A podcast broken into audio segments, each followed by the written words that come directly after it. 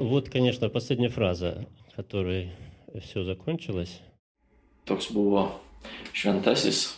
Был такой святой, Викентий Леринский. Он изрек очень красивые и мудрые слова, актуальные даже сейчас. Говоря по-новому, не скажете ничего нового. Она очень просто понимается на самом деле. Ведь отец Виталий сказал, что новым языком мы всегда говорим что-то старое. У микрофона Инна Шилина.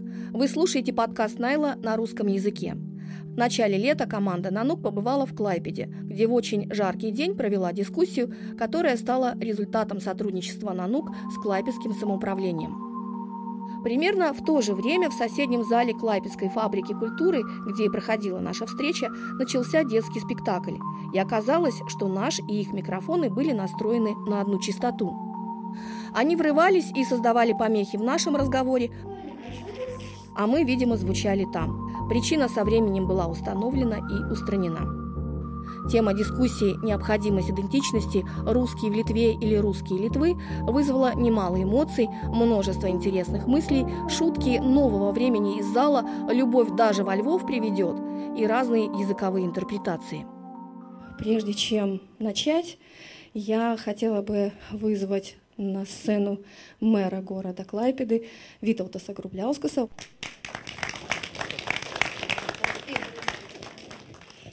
Спасибо, Ине. Не так часто бывает, что вызвали на сцену, но, но так, э, когда это, это идет от сердца, все-таки э, понимаешь, что это очень с хорошей интенцией. Наверное, вопрос я бы немножко с другой стороны создал, э, задал бы как себя чувствуют люди в Литве и Клайпеде, которые говорят на русском языке, которым русский язык родной, которым русские, русские традиции очень, близки. Наверное, их надо спрашивать не только, что нам оценивать, но как они себя чувствуют. Наверное, в этом главный вопрос. Господин мэр незаметно направил дискуссию в новое русло, но суммируя сказанное, можно предположить, что мы пошли еще дальше, поговорив о том, как мы хотим и можем себя чувствовать. Клайпеда всегда была на перекрестке очень важных эпохальных э, исторических событий. И это как бы закалило, э, закалило дух города – Крепость, основанная немецкими рыцарями на территории древних Куршей, поначалу носила название Мемель. Это название даже упоминается в первом куплете песни Германии, как самый восточный город немецких земель. Вся от Мемеля к Маасу, с Бельта к сплочена. А ее третий куплет стал официальным гимном Объединенной Германии. В картографии город в основном обозначался как Мемель, но на карте «Старая и Новая Пруссия» Кристофера Гартноха 1689 года уже как Калайпеда, отдаленно напоминая современное написание.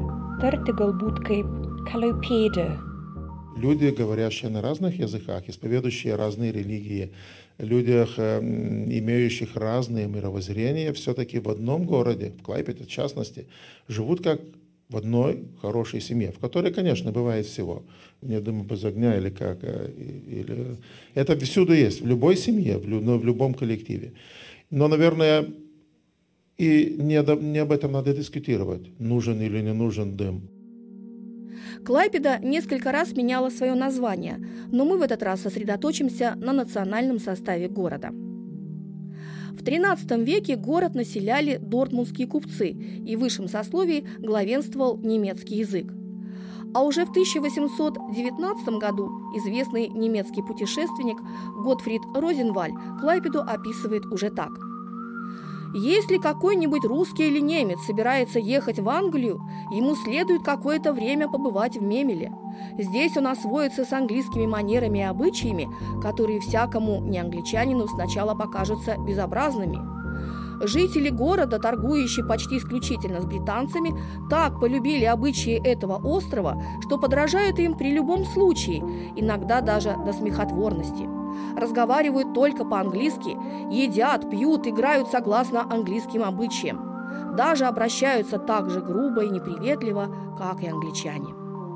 Тогда доминирующим языком высшего сословия горожан стал английский, а местный немецкий говор был насыщен английскими словами и поговорками. Я хочу, чтобы каждый человек, который живет в Клайпеде, говоря в частности о Клайпеде, несмотря на каком языке он говорит, несмотря который из общин он принадлежит, он бы чувствовал себя как дома, чтобы не чувствовал никакой дискриминации, но и никакой протекции. Не немцам, а литовцам, шотландцам, евреям Мемеля городской магистрат Средневековья не давал прав горожан, и они были вынуждены селиться за пределами замка, образуя обширные пригороды. И первым дискриминацию по национальности удалось преодолеть англичанам и шотландцам. Неважно, на каком языке он говорит. Это уже задача от всех нас, каждого из нас, не только мэра, не только там директора администрации, не только директоров школ или кого-то еще другого. Это зависит от нас всех. Сколько у нас будет толеранции, когда она особенно нужна. Толеранция очень удобна, когда ее не нужно или когда это само собой складывается. Тогда все просто и спокойно.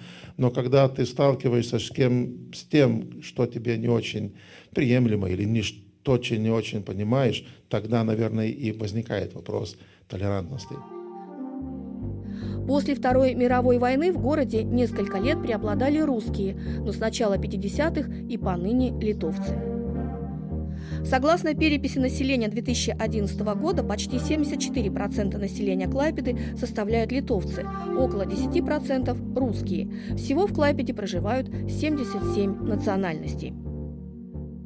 В Клайпеде клад толеранции он очень сильный и очень чувствительный.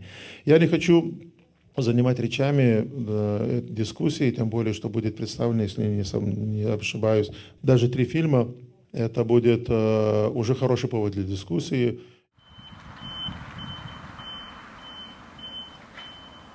В 86-м. Верочка умерла в седьмом, это было в 86-м.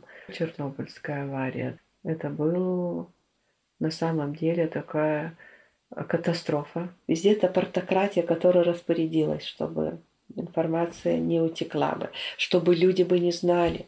Но вот сейчас думаешь, боже, Понимаешь, если бы они могли бы это оповестить и сказать сразу, вот, случилось, сидите дома, закройте, перекройте, не выходите, детей не пускайте. Нет, это же узнали спустя, понимаешь, там хороших 10-12 часов, когда уже было время упущено.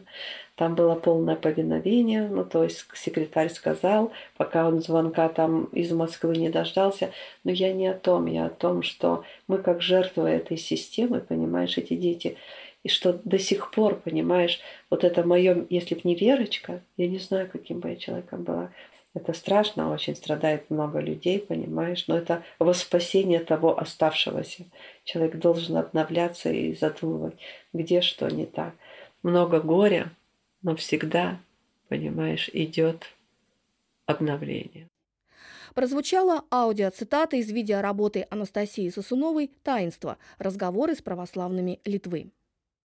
Небольшая ремарка. Фильм был создан еще до того, как мы все посмотрели фильм HBO «Чернобыль», или почти все посмотрели, и сейчас активно обсуждаем, но эта тема возникла в фильме «Таинство» несколько раньше. Сейчас на сцену я хочу пригласить Анастасию Сосунову, автора фильма «Таинство».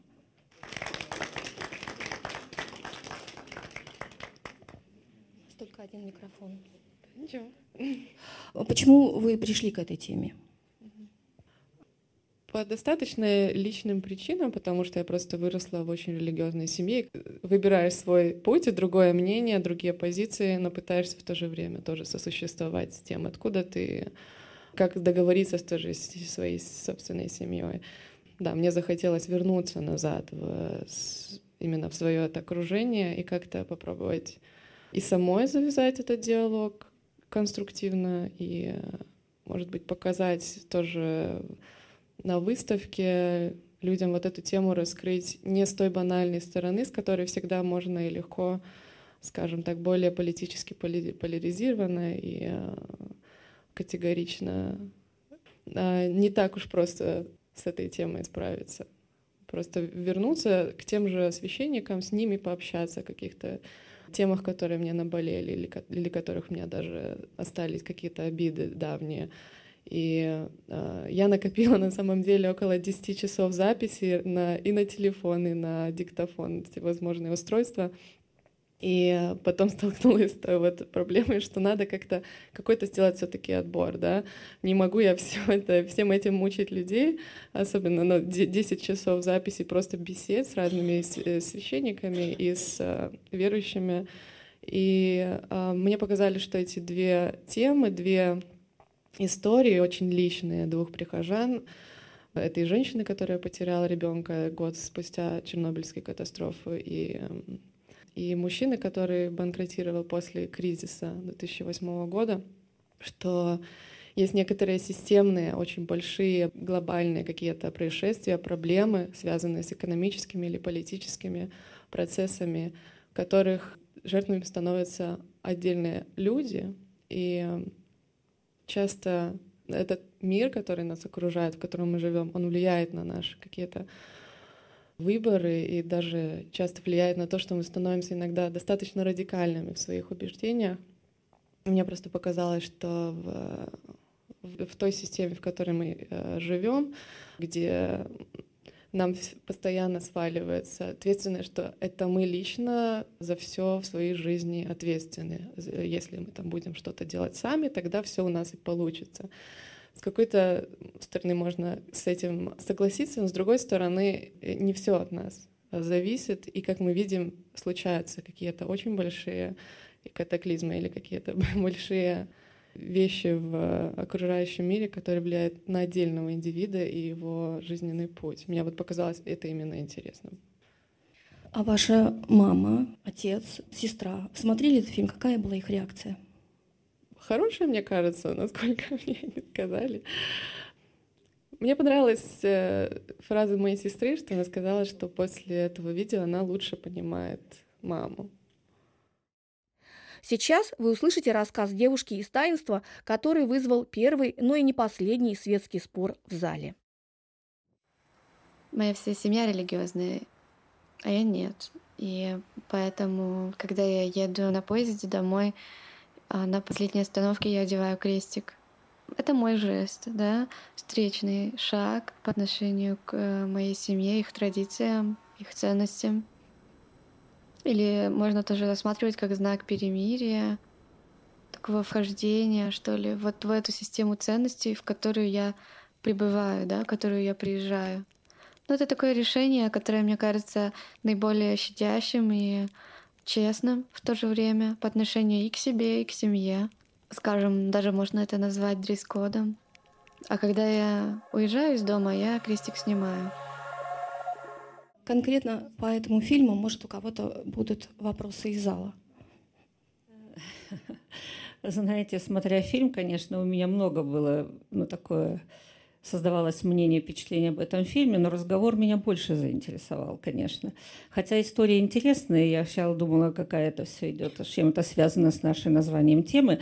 Но тот вопрос, который вы подняли даже на примере крестика, вот я хотела бы, значит, немножко сказать, и Потому что можно говорить очень много на разного то, что вы рассуждали. А вообще-то интересно, что я понимаю, вы так подаете эту идею, что вот эта девочка с крестиком, которая ехала домой, одевая его, Значит, где-то я это все понимаю, но дело в том, что они проще или не лучше нам всем, это, может быть, относится к нашей теме, уважать мнение и, как говорится, вот зачем ей одевать крестик? Для того, чтобы понравиться своей семье. Моя семья должна тоже понимать, что она имеет свои взгляды. И вот это идет к толеранции и к жизни всем комфортно – рядом с друг другом, уважая мнение других.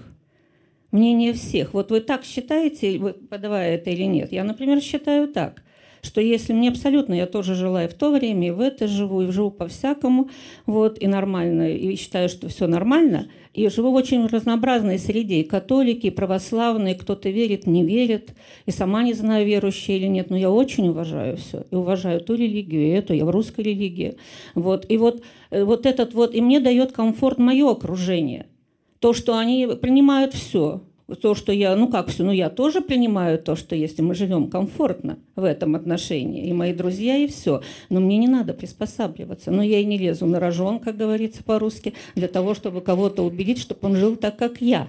А вот история с крестиком, она, мне кажется, вот это вот, наверное, я не знаю, или вы хотели показать, что лучше, лучше пристроиться, чем это самое жить как-то нормально и комфортно и понять друг друга. Вот я бы хотела ответ на это. Я вообще-то с вами согласна. Но мне хотелось просто ставить этот, э, эту фразу этой девушки как пример того, как, скажем, мне, вот лично она, да, она справляется с этим. А, я думала об этом не, не только, когда ты просто, мне кажется, сказать там своей семье, что ты, скажем, не, не веришь в Бога или являешься нерелигиозным, это достаточно очень такая мягкая правда, но в то же время, если очень семья религиозная, это может быть и очень большие последствия в этом. Также и с другими какими-то, когда человек раскрывается в других планах, или в своей ориентации, или в своем, там, не знаю, э, в политических убеждениях.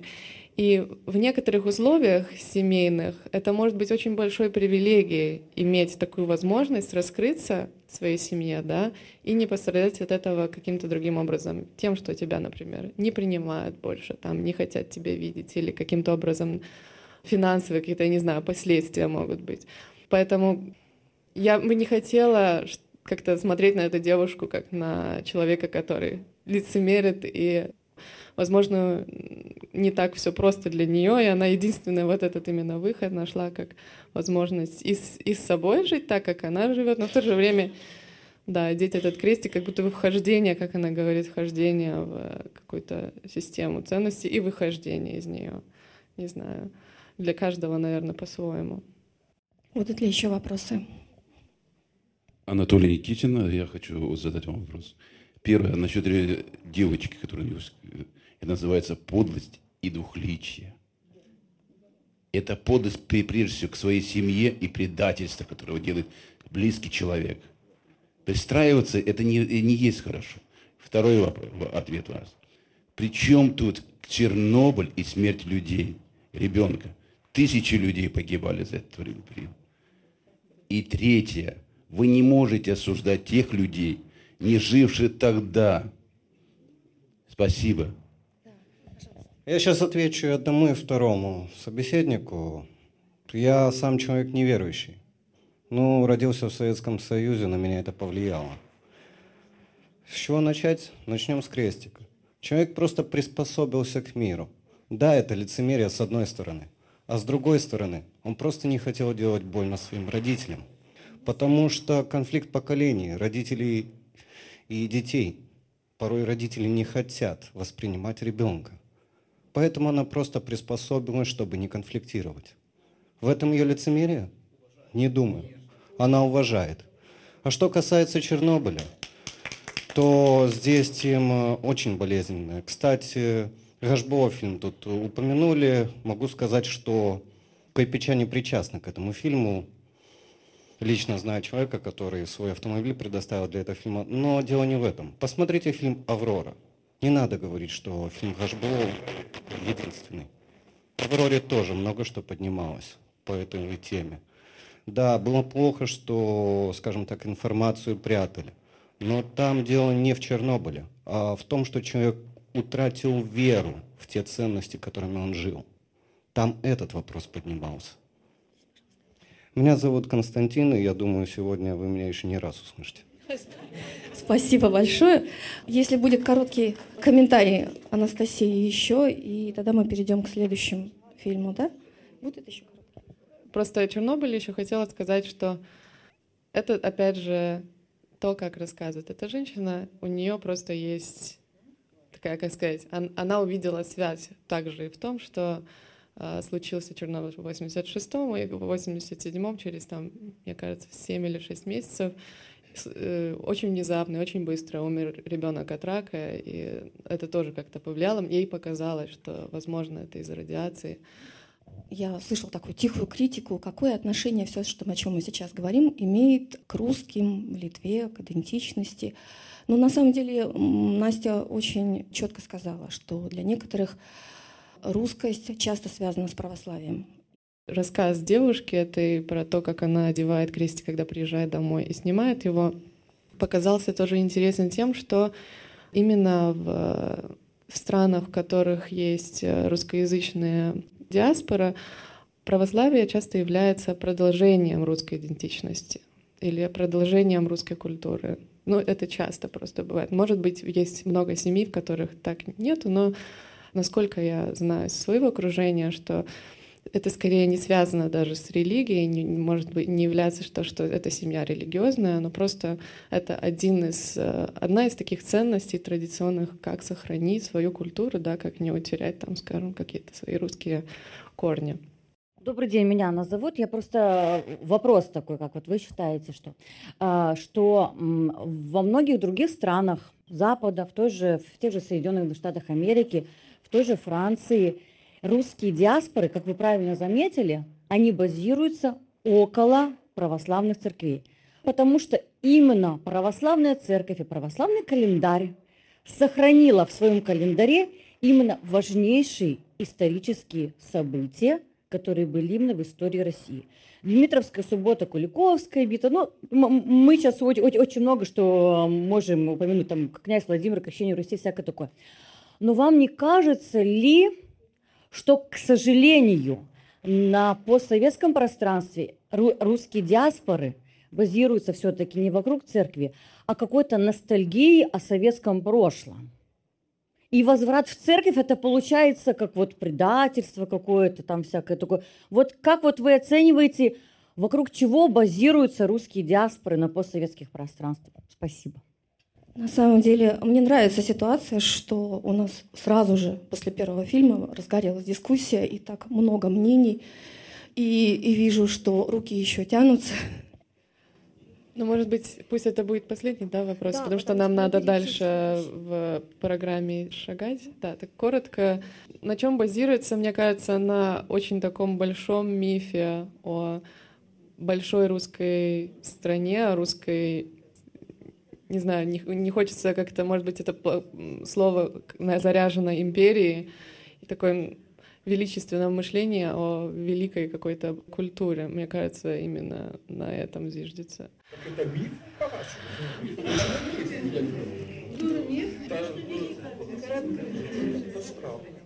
Как куда старый год проводить? Какие налеты, блядь! Все, на мои деньги. Ну хули ты, Тамара, звонишь? На тебе твою Россию. Так мы перешли ко второму фильму программы российского режиссера и актрисы Ирины Вилковой. Мы посмотрели седьмой эпизод из ее мини-сериала «Бар на грудь. Бюрократическое». Слово предоставляю автору фильма Ирине Вилковой. Пожалуйста. Здравствуйте. А, сразу не прошу прощения за мат. Прошу прощения за звук, там были какие-то проблемы. Я и родилась в городе Новокузнецк, жила в Петербурге, сейчас в Москве, потом не знаю, где буду жить. Скажите, почему вы считаете, что линия вот этого человека, который жрет вареники в баре, является важной именно в контексте бюрократии, которую вы пытались э, показать в этом э, фильме?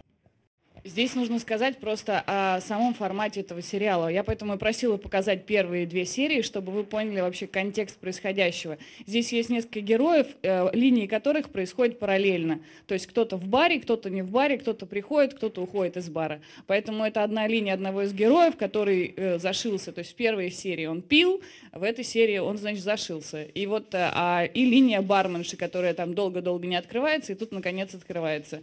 Это просто параллельные линии персонажей персонажей. Поскольку фильм для этой программы от, отбирала я, простите за звук, я объясню, почему я сделала этот выбор. Когда я делала довольно большую серию интервью, один из э, интервьюируемых мне рассказал историю, как всю жизнь мечтал жить в России, учиться в России, принадлежать русской культуре, соединиться с ней. И когда приехал в Россию, первое, с чем столкнулся, это с бюрократией. И, побыв некоторое время там, решил вернуться.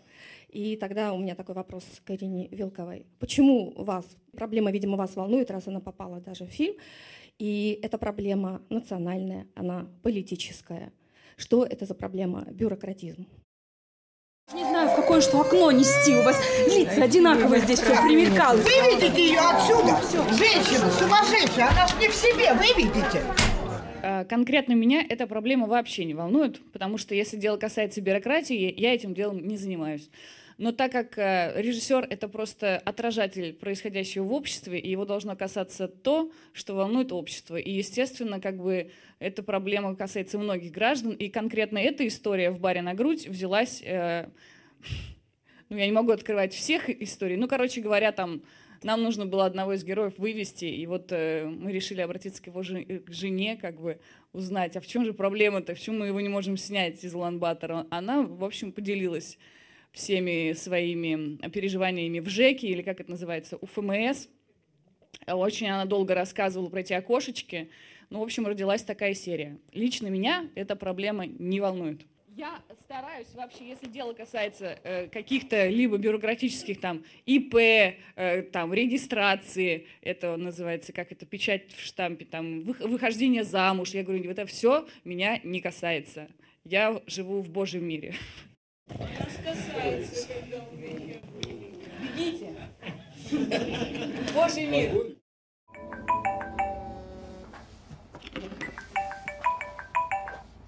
Джаргальчик, привет. Сл... Алло. Привет, Алло. говорю. Слышишь Алло. меня? Слышно? Привет, я тебя плохо привет. слышу. А, я тебе документы все сделала. Да. Э, отправила Алло, их с Ниной Сергеевной. Помнишь, что это Нину? Да. Э, забери, пожалуйста. Там все заверенное. И, и ты можешь приезжать уже. Давай, э, там есть э, билеты. Прямой рейс из Улан-Батора на 23 -е. Ты слышишь меня? Я тебя отлично. Да, слышно мне, слышно. Алло. Да. Я... Да, милый. Я должен... Алло. Я понял, что я монгол. Ну да. Монгол должен жить в Монголии. Скажите, а в таком случае национальная проблема, которая там тоже как-то ее зацепила, если ты русский, должен жить в России, если ты монгол, должен жить в Монголии, если ты еще кто-то, ты должен жить еще там. Это просто случайно попало в кадры вместе с чухонцем? Или вы какой-то смысл вкладывали? С чухонцем? Ну, этого не русского. Чехонец какой-то. Арви Пиарт. Фин. О, эстонец. Насрать. В Берлине живет. Любить. Я классику вообще слушать люблю. А этого твоего чухонца никогда не слышал. Хуйня, нет? Нормально. Тебе понравится. С, с кем? А, чухонец. Слушайте, ну, мой ответ вам может не понравиться. Я просто понимаю, как русская абсолютно и по, как бы сказать, э, и по анамнезу, и по духу, я понимаю, что я не смогу жить нигде, кроме... И не хотела бы, не хотела бы жить нигде, кроме как в России. Я буду ужасно скучать. Мне будет всего этого ужасно не хватать, это часть меня. Поэтому, честно говоря, да, русская должна жить в России. Что-что? Да, я могу говорить только про себя. Я, не могу, я жила долго в других странах по, по э, роду деятельности, и я не могу, я ужасно скучаю. Я начинаю вот так вот смотреть на лес. Вот если загородить пальму, то как будто бы Сибирь. А как вы относитесь тем русским, которых вы встречаете за границей? Те же самые литовские русские, немецкие русские, и, ну я не знаю, в каких вы странах еще были. Мой ответ может вам не понравиться. Я им сочувствую. Ну, то есть я, например, очень люблю Париж. Это, а, наверное, вот город, в котором бы я, наверное, хотела жить. Я попробовала, и я прям сочувствовала всем этим людям. И они живут в прекрасной культуре, с прекрасной едой, вкусным вином. Э, ну, в общем, ну, я прям почему-то им сочувствовала. Не знаю, может, им очень хорошо, но у меня вот такое чувство к ним. А вы их считаете частью ну, того же самого французского общества? Или все-таки они отдельно, русские какие-то, они отдельно? Или, например, здешние русские, здесь, в Литве, мы для вас, я говорю мы, потому что я тоже ну, отчасти отношусь к русским, мы для вас литовцы, или мы все же некие, некие отколовшиеся русские, которые не там и не сям? Вы знаете, здесь, мне кажется, неправильно говорить в множественном числе, потому что каждый человек, естественно, ощущает себя индивидуально. Я вот, например, видела римлян, русских римлян, которые гораздо больше римляне, чем римляне. То есть они до такой степени пропитаны и влюблены в этот город, и они абсолютно счастливы. Не уверена, что они были, были бы, оставшись в Москве, так счастливы. Поэтому здесь не, нельзя, мне кажется, обобщать. Правильно ли я понимаю, что русские могут быть русскими только в России? Ну, мы не русские. Что за вопрос? Ну, вы сочувствуете всем русским, которые живут за границей. Это мое чувство по отношению к иммигрантам. То есть я побыла какое-то время долго не в России. Мне стало жутко грустно. Теперь, когда я вижу мигрантов, э, русских людей за границей, ну как бы у меня такое чувство рождается. Но я опять же саму себя опровергла, что русские в других городах бывают гораздо более счастливы, чем в России. Поэтому, ну они тоже русские. Ну в смысле, что за вопрос-то я не пойму. Скажите, пожалуйста, понятие «русский мир» и «соотечественники» вам знакомо? И насколько вы владеете вот этим предметом, будем так говорить? Не владею. Ну, вы знаете, я как бы наблюдаю за собой, опять же, за границей себя чувствую, конечно, гораздо более русской, чем рядом с соотечественниками. Потому что я же вижу все минусы наших соотечественников. И мне иногда не хочется быть русской. Но когда я как бы за границей, я такой носитель и распространитель. Я чувствую на себе какую-то русскость гораздо более весомо. А за что конкретно вам неловко? Ну, за бухающих гопников в подъездах, в смысле, за засанные лавочки какие-то. За что? Все же знают, что, что в России есть плохого. Это везде. Ну, везде менее видно, когда ты живешь у себя дома, правда? Везде это есть. Где бы вы ни зашли. Наркоманы, везде. Нет, ну, да я понимаю, что это есть везде, но дома ты это видишь. Вот тут прозвучало про гопников, наркоманов, да? Знаете, я два года назад э, в Ирландии был. Меня туда звали на ПМЖ. Да, там можно заработать, да, там есть русские, и причем уровень их сплоченности намного выше, чем здесь, в Литве. Так вот, я сразу сказал, Ирландия не моя страна. Не поеду я туда, не хочу, как бы мне тяжело не было. Почему? Потому что те же самые наркоманы, те же самые крысы, те же самый мусор. Это проблема не русских, это проблема нашего современного общества. Вот и все. Последний тогда очень коротко. Спасибо большое. Я просто хотела дополнить ваш комментарий по Ирландии. Мне доводилось жить в Швеции, тоже часто бывала в Ирландии. Я бы не сказала, что конкретно есть какие-то там гопники, и из-за этого я бы не осталась в Ирландии. Я бы разделила, грубо говоря, эмигрантов на две категории – те, которые остаются, добиваются чего-то и не живут на пособии, и остальные гопники. И это я видела и в Швеции, те, которые не имели разрешения на работу и так далее. Они говорили только об одном, они, собственно, и вели себя по-другому, и те, которые действительно трудились, добивались карьеры и так далее. Это все зависит, опять же, от человека. Разрешите, я тоже отвечу Константину. Мне будучи в Ирландии, абсолютно насрать на бухающих и наркоманящихся ирландцев. Мне конкретно не насрать на бухающих, наркоманящихся русскоговорящих там. Или, если хотите, если вам угодно, русских. Позвольте а, пригласить, пригласить на сцену, вызвать на сцену других участников дискуссии. Это будет Александр Гаврилов, российский критик, литературный деятель. Это Анатолий Клеменцов, который себя представляет как человека, который родился, вырос и жил в Клайпеде, он художник. И Виктор Минетас. Виктор Минетас – диакон в Свято-Духовом монастыре в Вильнюсе, а также регент, а также композитор, а, а также отец четырех детей, а также из семьи ссыльных. Он из Красноярска, поэтому у него очень богатый жизненный опыт, и вопросов ему задать действительно можно очень много. Поскольку мы недавно, перед короткометражным фильмом из России, мы посмотрели фильм Анастасии Сусуновой разговоры с православными в Литве. Поэтому мне в первую очередь интересно мнение об этом фильме Виктора Минетаса. Что вы для себя нового, старого и чем тронул, задел этот фильм, чем вы с ним не согласны? Я не очень понял саму идею фильма.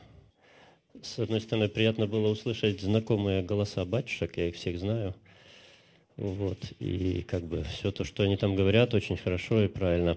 Но иногда вот видеоряд, к примеру, вот отец Владимир рассуждает о каких-то э, божественных, так сказать, материях, а в это время ребя- ребята бросают камушки в бутылку.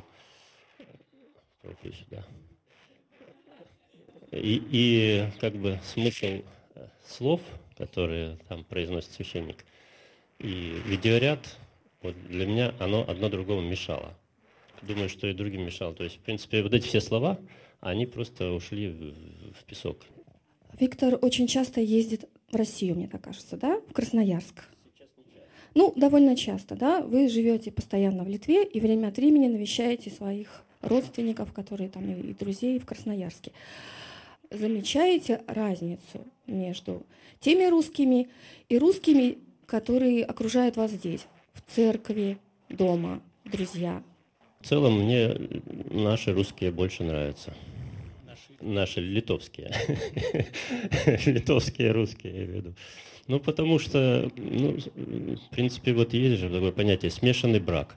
В смешанном браке считается, что дети более талантливые, потому что они берут какой-то, ну, генный, это наборы вот от разных национальностей. Взаимообогащение национальностей – это всегда полезно, хорошо, в том числе для русских хорошо. Литовцы, которые живут в России, может быть, они лучше тех литовцев, которые вот в Литве, я не знаю, этот вопрос, я не эксперт в этом. Вот такой вот примерно ответ. Скажите, вы как отец четверых детей, дочь ваша в России, да, остальные, да, но она долгое время была в России, и, и у вас еще трое сыновей. Скажите, как вот формировалась их идентичность? Они больше русские, они больше литовцы. Старшая дочь, она более русская, чем ваши сыновья и вы, или нет? Старшая дочь преподавала даже литовский язык в, Москве. Так, я не скажу, что она там более русская. И она как раз литовский язык, может быть, и раньше и выучила, их она старшая. Но у нас как? Все дети ходили в литовскую школу принципиально. Но принципиально же все, все мы говорим дома по-русски. Ну, потому что жена не очень хорошо понимает. И за, этот, за счет этого мы как вот это двуязычие такое сохранили. То есть они знают хорошо русский, они знают хорошо литовский. Вот такой вот был применен метод. Мы сейчас на несколько минут должны отдать микрофон и поговорим без микрофона. Просто пере, переключит частоты. Когда у тебя под Богом вся мощь политического аппарата, там, государственного аппарата, да, у церкви, это классно, да. Священник идет только весь из себя, да.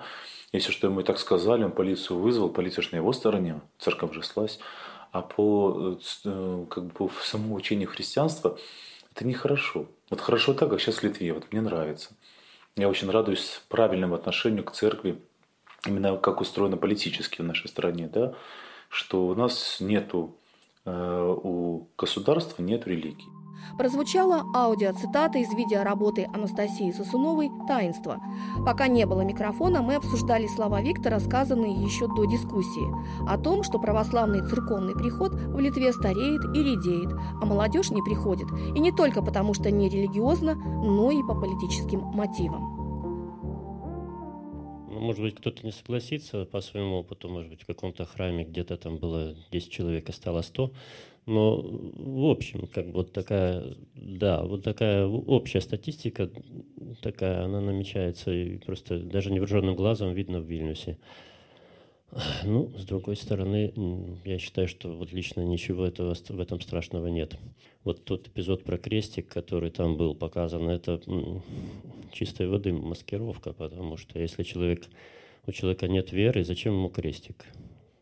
Совершенно. Если он, если он хочет, э, этот человек, ну, девушка, она хочет э, мир с родителями, это можно какими-то другими методами добиться этого можно попытаться объяснить родителям, что вот, ну, я вот так вот, я вот, может быть, ну, когда-нибудь, может, я приду к этой вере, может быть, то есть, ну, я считаю, вот в этой ситуации у родителей проблема была, потому что, видимо, какое-то воспитание такое немножко авторитарное было в этой семье, и девушка уже просто, уже как-то, хоть какой выход пытается найти.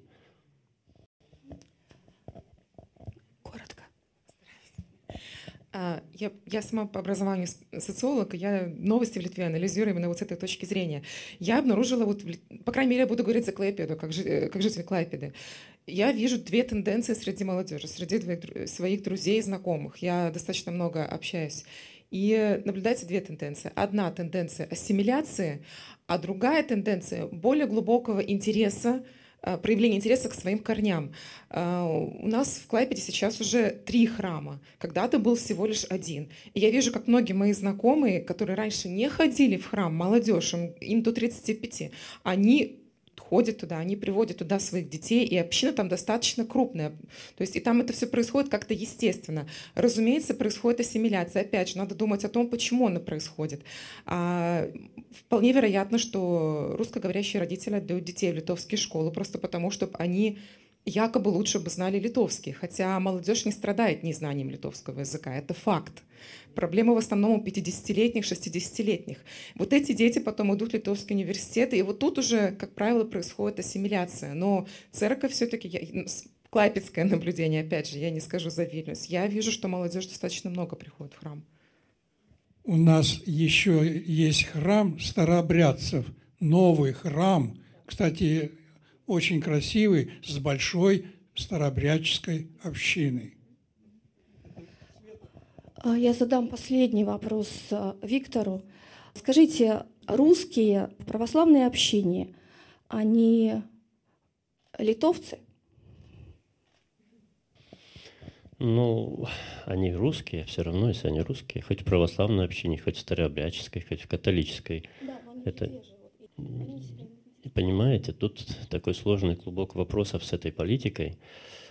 Вообще, вот если бы сейчас представить, что нет этой всей политики, то тогда очень можно было бы хорошо развивать русскую культуру совершенно спокойно, давить на вот эти все, как бы, вот эти кнопки. И, возможно, надо это просто делать независимо от той политической ситуации, которая есть, вообще не обращая внимания на это.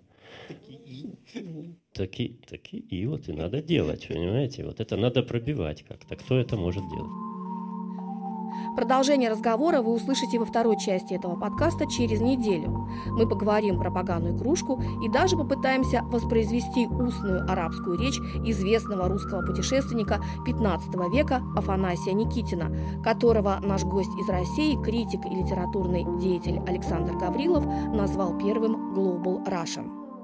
Вот не, не слушайте его, послушайте. Э, т- Молодец, правильно. Вот, э, после